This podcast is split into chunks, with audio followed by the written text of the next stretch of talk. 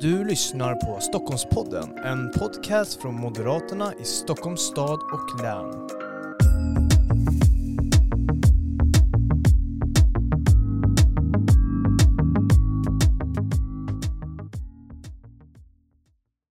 Ja, varmt välkomna till eh, Stockholmspodden. Det här är ju en podcast från Moderaterna i Stockholms stad och län där eh, vi bjuder in våra främsta företrädare för att diskutera roliga politiska frågor och eh, aktuella frågor.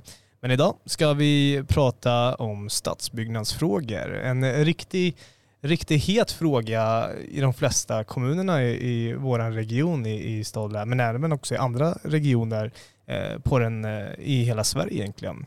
Så med oss har vi Joakim Larsson, du är stadsbyggnadsborgarråd i Stockholms stad. Välkommen. Tackar. Och Johan Algren, du är eh, kommunalråd i Täby med ordförande för stadsbyggnadsnämnden. Det stämmer, tack så mycket. Och jag tänkte för att börja den här podden så ska jag fråga er, precis som, som alla reportrar gör nästan, vad ni åt till frukost. Uh, så ni får shoot och gärna inte en lång utläggning här vad ni åt utan det, det, det räcker med lite kort så kan vi gå in på det politiska alldeles strax. Ja, det är den här standardfrågan för att göra ljudtestet alltså. Jag tror att eh, det blev knäckebröd och kaffe även denna morgon faktiskt. Ja, det var det. Ja, knäckebröd är gott. Mm. Du då Johan? Ja, nej, men det är väl någonting gott som den här pandemin har fört med sig att jag faktiskt äter frukost numera när jag jobbar så mycket hemma. Um, så att kaffe är det ju alltid. Men uh, nu är det även då smörgås med ost brukar det bli. Och gärna ett glas juice. Ja. Lite lyxigt sådär. Ja, ja faktiskt. Lite lyxigt med, med juicen på. Jag har inte ätit frukost uh, de senaste 20 åren på vardagarna i vanliga fall. Men... Nej, men du får göra som mig. Eh, bara ta en proteinshake lite snabbt, skaka den och dricka den snabbt så, så man kommer iväg till jobbet. Det är en bra, ett bra tips från mig. Träningstips. Mm. Träningstips. Ja men nu är inte det här en träningspodd. vi, ska, ju, vi ska faktiskt prata politik och, och stadsbyggnadsfrågor. Och det är ju så att stadsbyggnadsdebatten är ju glödhet, glödhet och det finns väl ingen eller inga frågor som kan engagera människor så mycket som stadsbyggnad. Man hör ju hela tiden de här exemplen. Eh, bygg inte framför mitt fönster eller bygg inte där eller det här var fult byggt eller hur kan du bygga en skola som ser ut så här och så liknande. Men, men jag tänkte bara fråga, hur svårt är det egentligen att ansvara för, för sådana här frågor? Joakim? Jag höll på tio år med sociala frågor. Missbruksvård och det handlade om omhändertagandet av unga som får illa. Och jag tror under alla år så var jag upplevde aldrig några hot eller någonting sånt. Men när jag började med stadsbyggnadsfrågor, då hettade det till. Och jag tror det tog, det tog några år att förstå hur mycket det faktiskt påverkar människors sinne. Eh, dels vad du ser utanför fönstret, eh, vad du får för förändringar utanför din egen bostad men också vad det är för trygghet du upplever i din närmiljö. Allt det här eh, engagerar så otroligt mycket och i många fall mycket mer kanske än vad vi tror. Ja, och, ja, det, det, var en, det var ett uppvaknande faktiskt skulle jag vilja säga. Men därmed inte sagt att människor inte engagerar sig i andra politiska frågor men jag upplever en, en skillnad faktiskt. Mm. Ja men absolut, jag kan hålla med. Jag har ägnat väldigt lång tid åt skolpolitik tidigare. Och, eh, jag har ju själv två barn eh, och det är klart att som förälder så är det det viktigaste man har. Och det, det var ett, ett eh, område som verkligen engagerade och det, det, kan jag förstå. Så jag var nog också lite överraskad när jag gav mig in i stadsbyggnadsfrågorna hur, hur pass eh, mycket känslor och åsikter som de här frågorna faktiskt eh, ja, väckte. Och jag tror mycket det handlar om eh, förändring. Och eh, vi människor är ju i grunden rätt konservativa. Det tycker vi moderater är bra. Eh, men det handlar ju tror jag i stort om att ja, man vet vad man har men man vet inte riktigt vad man får när man ger sig in i en förändring. Och ytterst kan det väl vara ett uttryck för att människor också ofta trivs väldigt bra där de bor. Mm. Man har vant sig, man har rotat sig, man, man eh, tycker att det fungerar rätt väl. Och då om någon pratar om att det ska ske en förändring så väcker det en hel del eh, känslor. Mm. Med, våra medborgare har ju en, eh, en förmåga att lägga sig i eh, väldigt mycket och delta i, i diskussionerna Eh, Eh, och de har ju även en, en väldigt stor möjlighet till det och påverka beslut som, som sker i deras lokalområde och så vidare. Men, men hur viktigt är det egentligen att, att lokala medborgare är med i processen? Jo men det är viktigt och det är ju en del av lagstiftningen kring stadsbyggnad. Att eh, man har eh, ett stort mått av samrådsmöjligheter och man har möjlighet att ge sina synpunkter. Sen kan man ju vara så kallad sakägare om man direkt påverkas av en byggnation till exempel. Men alltså det är viktigt att, att vi då också förstår att vi är ju företrädare för stockholmarna eller våra kommuninvånare.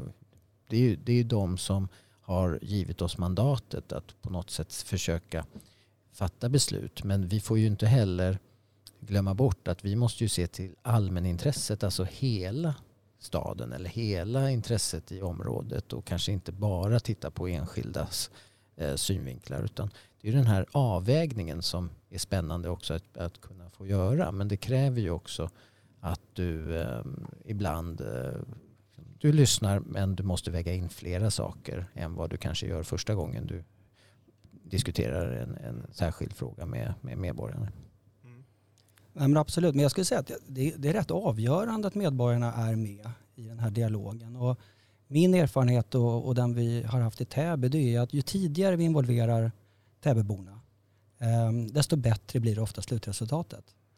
För att om man, om man går ut och frågar de som bor i närheten av en plats där det ska ske någon typ av förändring, eh, tidig dialog, eh, då har ju de enormt mycket kunskap om den här platsen, hur den används idag, vad som är ehm, bra kvaliteter, vad som är mindre bra eller borde utvecklas. Eh, och det där är ett oerhört viktigt underlag tillsammans med alla de utredningar som vi också måste göra för att få till ett, ett så säga, första förslag som vi går ut och samråder. Ofta kan man då känna igen eh, som medborgare de synpunkter och tankar man har lyft. Eh, en hel del kanske går att hantera eh, i förslaget. Annat kanske är på sån detaljnivå att det inte riktigt passar just i en detaljplan möjligen. Men det är ändå sånt som man kan se sen under genomförandet.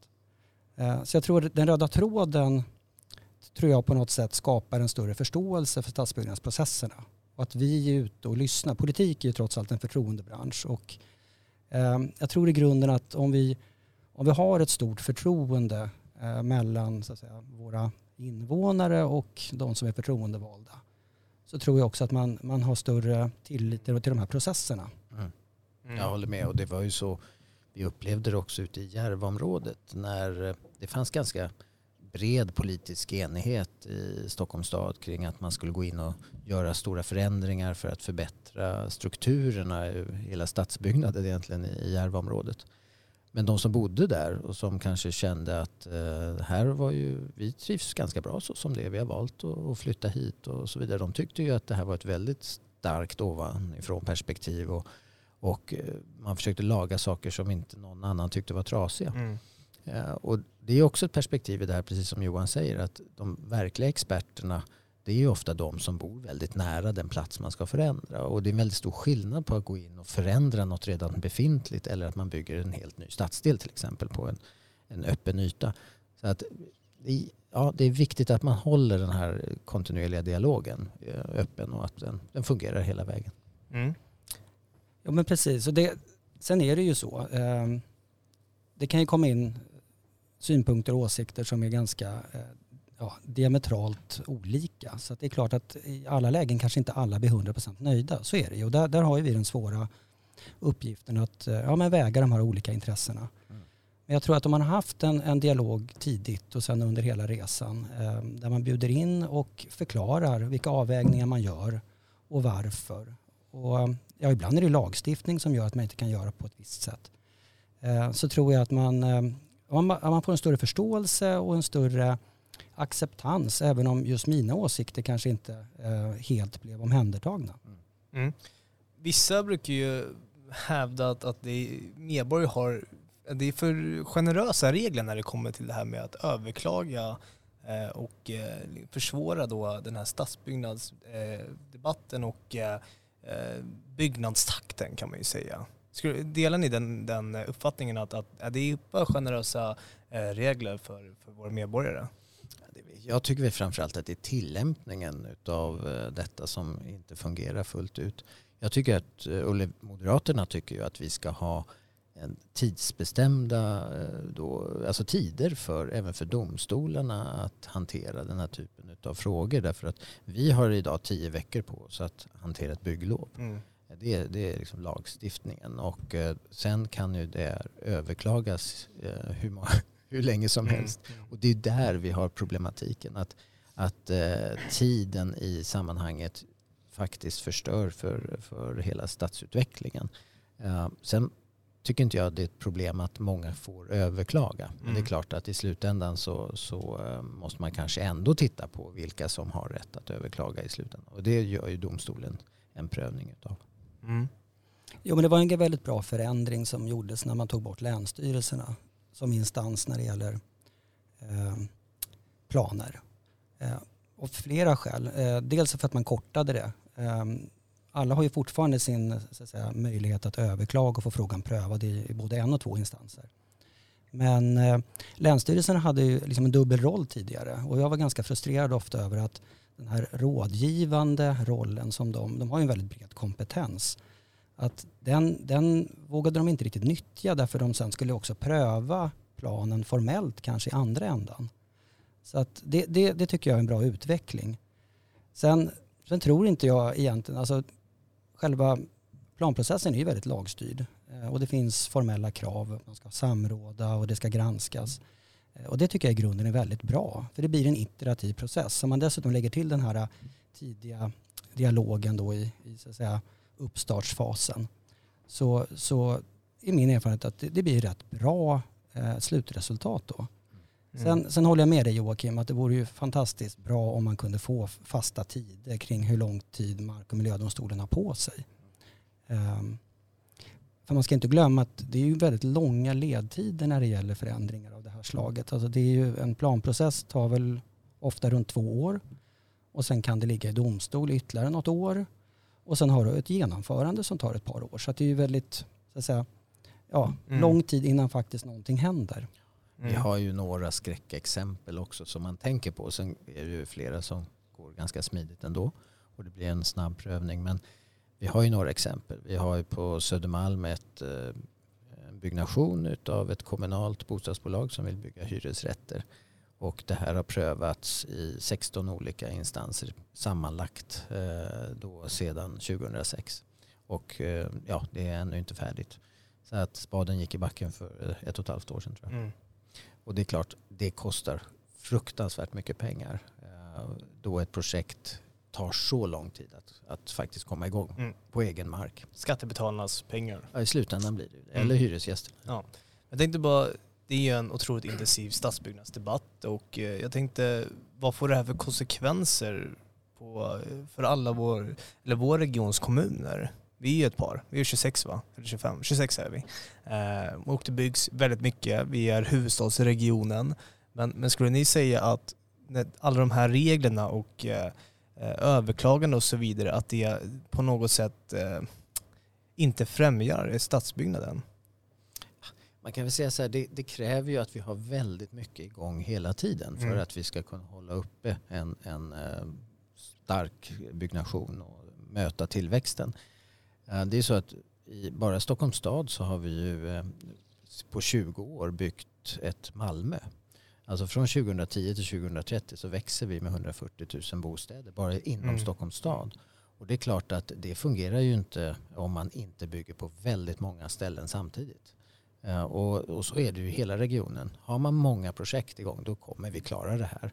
Men det är klart att eh, viss frustration känner man ju när mm. projekt kan ta så lång tid som det jag nämnde. Mm. Nej, men och sen är inte stadsbyggnadsfrågorna eh, bara de enskilda byggnaderna eh, i en, ja, ett mindre eh, område eller en ny stadsdel. Utan det är så många andra aspekter. Så att det här med att det tar tid, eh, det gör det ju i Sverige det, det, borde man kunna göra någonting åt. Jag brukar säga att det tar tio år från idé till liksom nyckel i dörren och det, det kanske inte är helt eh, rimligt. Men det är ju också, eh, så förutom det som ska byggas så är det mycket annat som måste till. Mm. Eh, infrastrukturen måste fram. Allt ifrån vatten, avlopp, el som har blivit en väldigt stor fråga.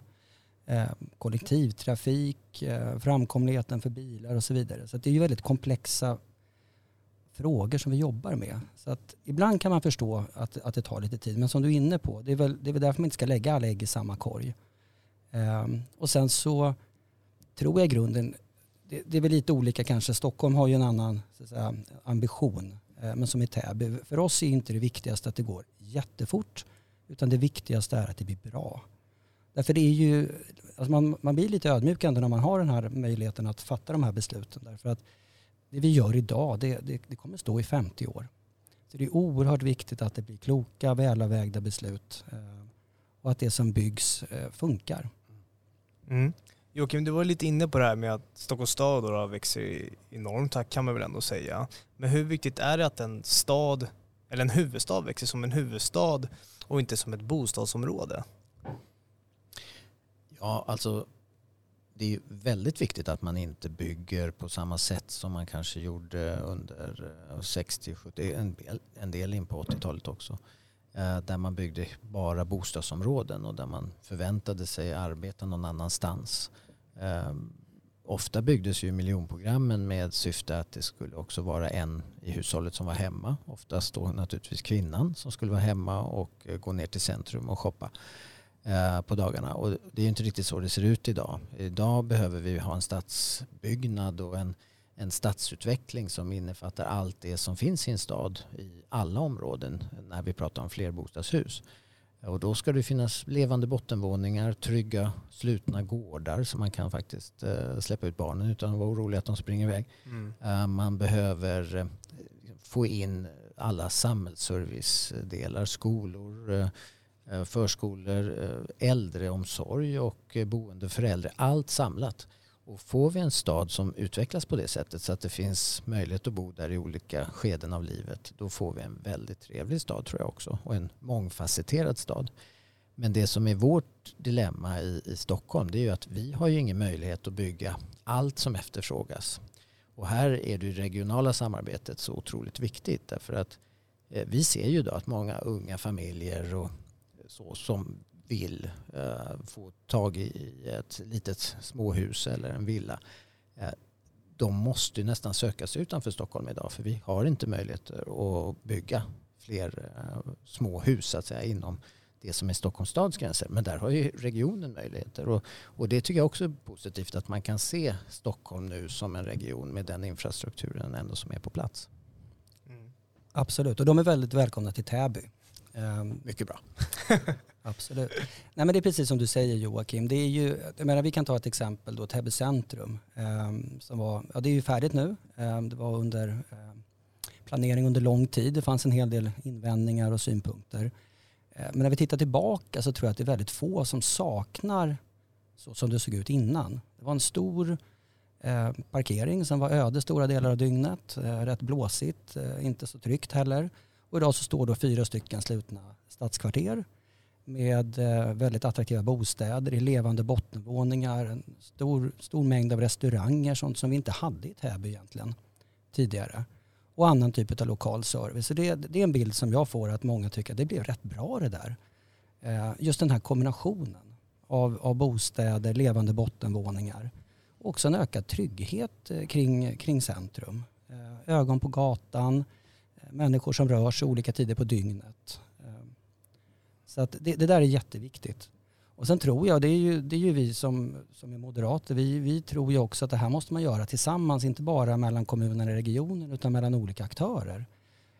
Um, för när man bygger fler bostäder så, så kommer ju kraven på ökad samhällsservice. Mm. Och det är inte alltid att, så att säga, kommunen har mark att upplåta för det.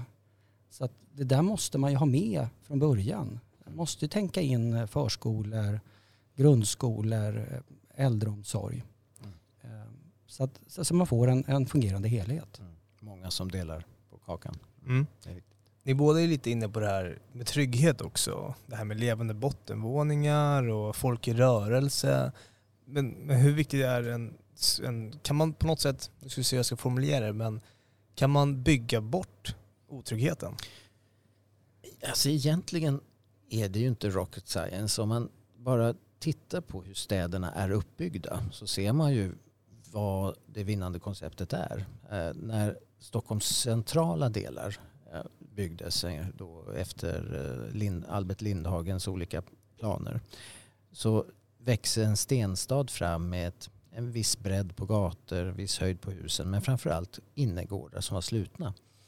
Eh, det här gjorde att det blev väldigt tydligt vad som var offentligt och vad som var privat och man visste var man befann sig. Det här har ju inte alls varit så i stadsutvecklingen de senaste 20 åren alla gånger där man har, som jag brukar säga, nästan kastat ut lego eh, och husen lite huller om buller och ingen vet vad som är privat och vad som är offentligt och det där är inte bra. Det skapar otrygghet och det skapar inte den här strukturen som, som stenstaden vann så otroligt mycket på. Sen det här med levande bottenvåningar är jätteviktigt för att det skapar ju också ljus. Det skapar eh, liv och rörelse under dygnets, ja i alla fall fler timmar på dygnet som gör då att man möter människor. Det är också tryggt. Människor som mm. möter varandra skapar mm. trygghet.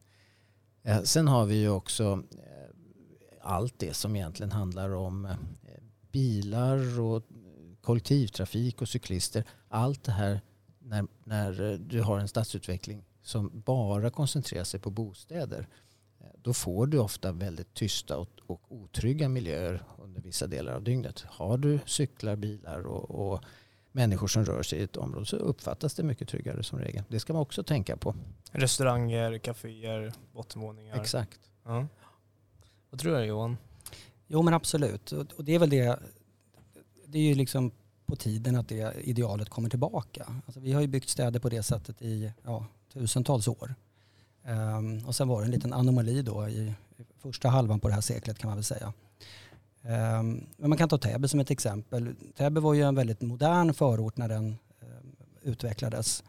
Uh, den här tydliga ABC-planeringen. Att, ja, man har särskilda bostadsområden. Uh, man la ett centrum ute på en åker. Täby storcentrum som det kallades. Och eh, så arbetade man någon annanstans. Och, och, det där krävde ju ganska stora trafiklösningar också. Eh, och de skapade ju barriärer sen för, för människor.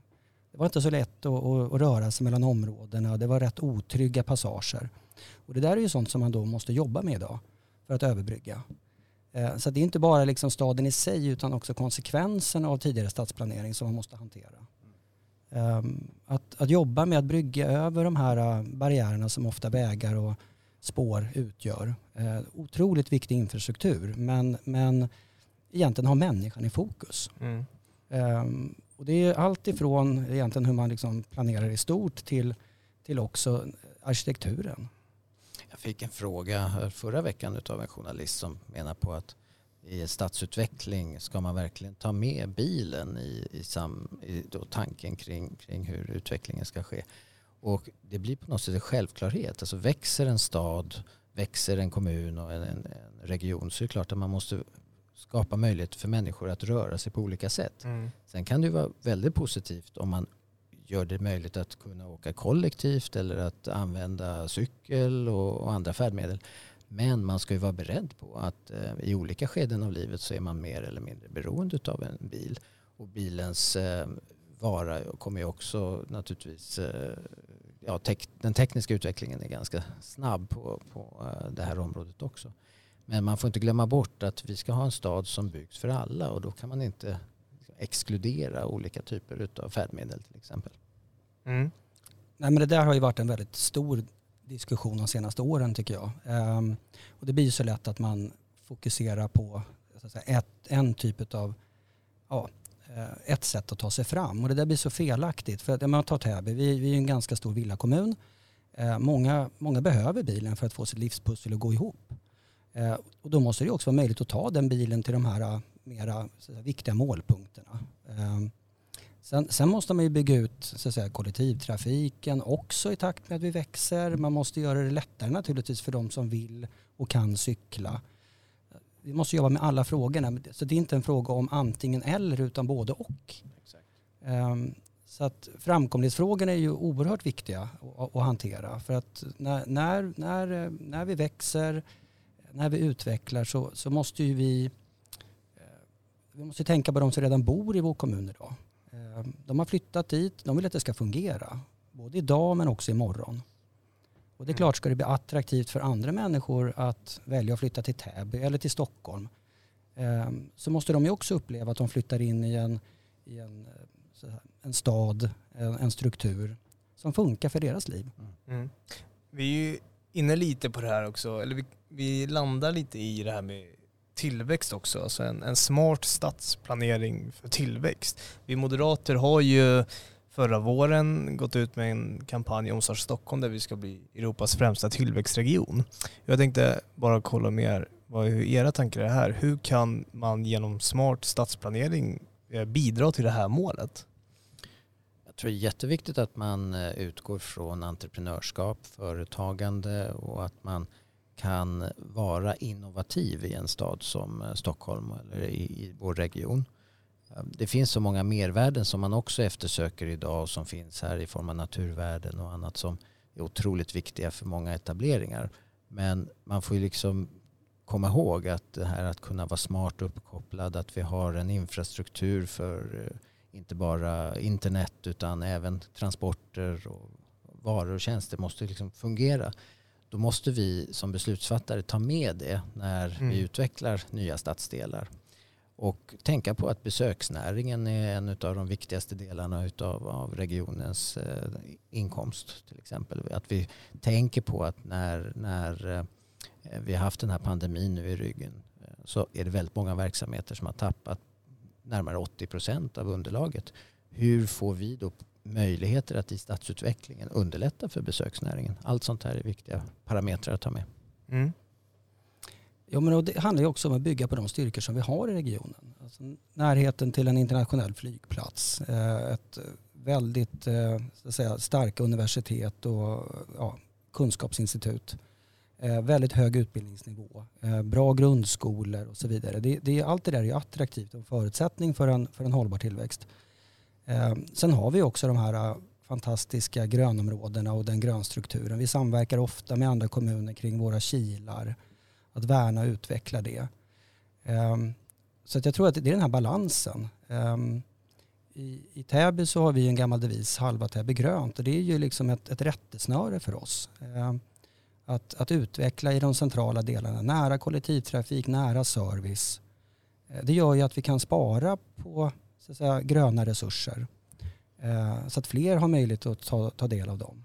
Samtidigt som stadsutveckling idag medför ju också att man tillför grönska och attraktivitet i, i eh, områden som kanske då historiskt var, var mycket mer hårdgjorda och där, där så stora bilparkeringar och ja, impedimentsytor eh, fick, fick ta alldeles för mycket plats istället för att människor hade, hade platser att mötas på eller ja,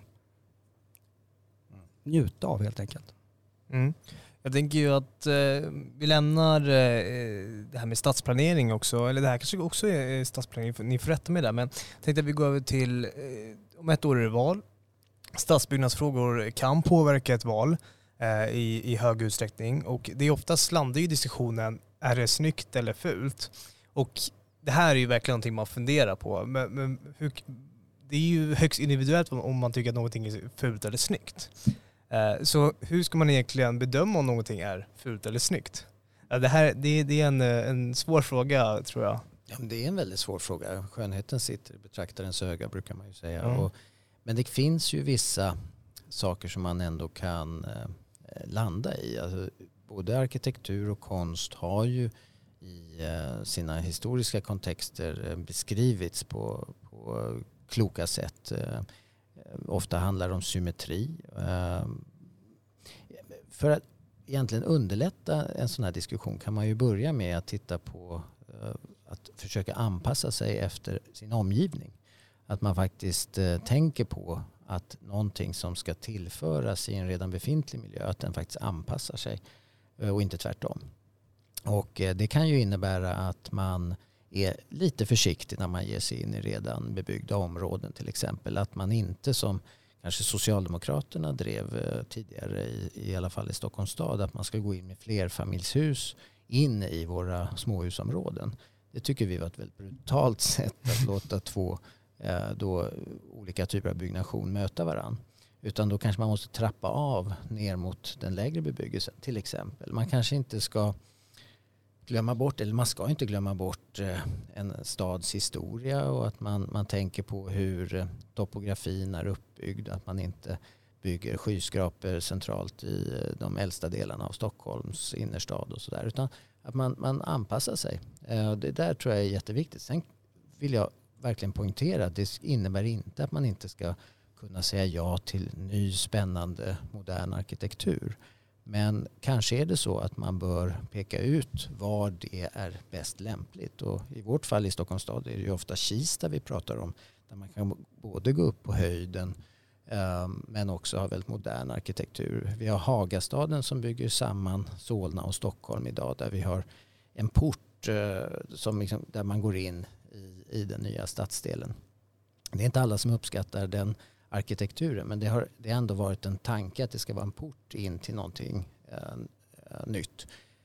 Sen har vi ju i våra eh, kommuner möjligheter att också liksom, tydliggöra vad det är vi förväntar oss. Och I Stockholms stad har vi nu en byggnadsordning som precis har kommit på plats tillsammans med en arkitekturpolicy som är på väg fram. Och det här är ju instrument som vi vill använda oss av för att faktiskt kunna uh, använda oss av beprövade eh, liksom, tankegångar i en stadsutveckling där man ska göra små, små infillprojekt till exempel som fungerar. Och det börjar bli riktigt bra. Nej, men jag tycker det är väldigt bra att den här diskussionen eh, pågår och är så pass intensiv därför att eh, ja, vi kan ju ha väldigt olika synpunkter om vad som är vackert och, och, och mindre vackert och så. Men, men just att, att, diskussionen kring kvaliteter i staden den, den, den måste vi liksom hålla vid liv. Um, och, och, jag tror att en av de viktiga frågorna det är ju när vi, alltså återigen i de här tidiga skedena, att man är väldigt tydlig med vad är det för kvaliteter som man är ute efter. Uh, och att se kulturmiljön och det som är befintligt som en resurs. Och att varje nytt projekt ska bidra, inte bara till, till platsen utan också till, till en större helhet. Um, vi tog ju fram ett arkitektur program då för ett antal år sedan. Eh, och det säger ju inte exakt hur byggnaderna ska se ut eller hur staden ska se ut. Men den, den ger ganska tydliga vägledningar kring vad är det för kriterier som är viktiga att, att jobba med i varje enskilt um, utvecklingsområde. Um, så att man tidigt tillsammans med de som ska vara med och utveckla den här platsen uh, ställer krav och liksom enas om vilka förväntningar vi har. Um, så att eh, det, nej, jag, jag, jag verkligen eh, uppskattar att den här diskussionen har kommit igång. Ehm, sen, sen kan jag väl glädjande tycka att även arkitektkåren verkar på något sätt ehm, ehm, ha, ha, utvecklats och förändrats lite de senaste åren. Vi, vi ser lite mer av, av klassisk arkitektur, lite mer riktiga tak. Eh, eh, ja, alltså sådana frågor som människor ofta uppskattar. Att, att det finns en variation i stadsbyggnad. Men jag tror att grunden är ju beroende på vad det är. Jag håller fullständigt med dig att är man inne i ett, så att säga, ett villaområde då, då ska vi inte in med höghus där. Det är liksom inte eh, den miljön där det passar. Utan då måste man förhålla sig till att det, här finns det andra kvaliteter, andra värden. Men i de mer centrala delarna av, av Täby då till exempel så, så, så handlar det om att, så att säga, läka samman då de, de äldre områdena med, med, med någonting som är nytt men som ändå funkar i helheten ofta tror jag också att det, man upplever att det går fortare faktiskt. Att, eh, är man tydlig från en eh, stad eller en kommun att, att det här är det som gäller för ett område i form av en, en strategi eller en arkitekturpolicy eller liknande. Då vet man ju vad man har för ramar att hålla sig inom och då går det faktiskt mycket snabbare än att man kommer med en, en idé som sen ska bearbetas tio gånger innan det de facto blir ett bygglov.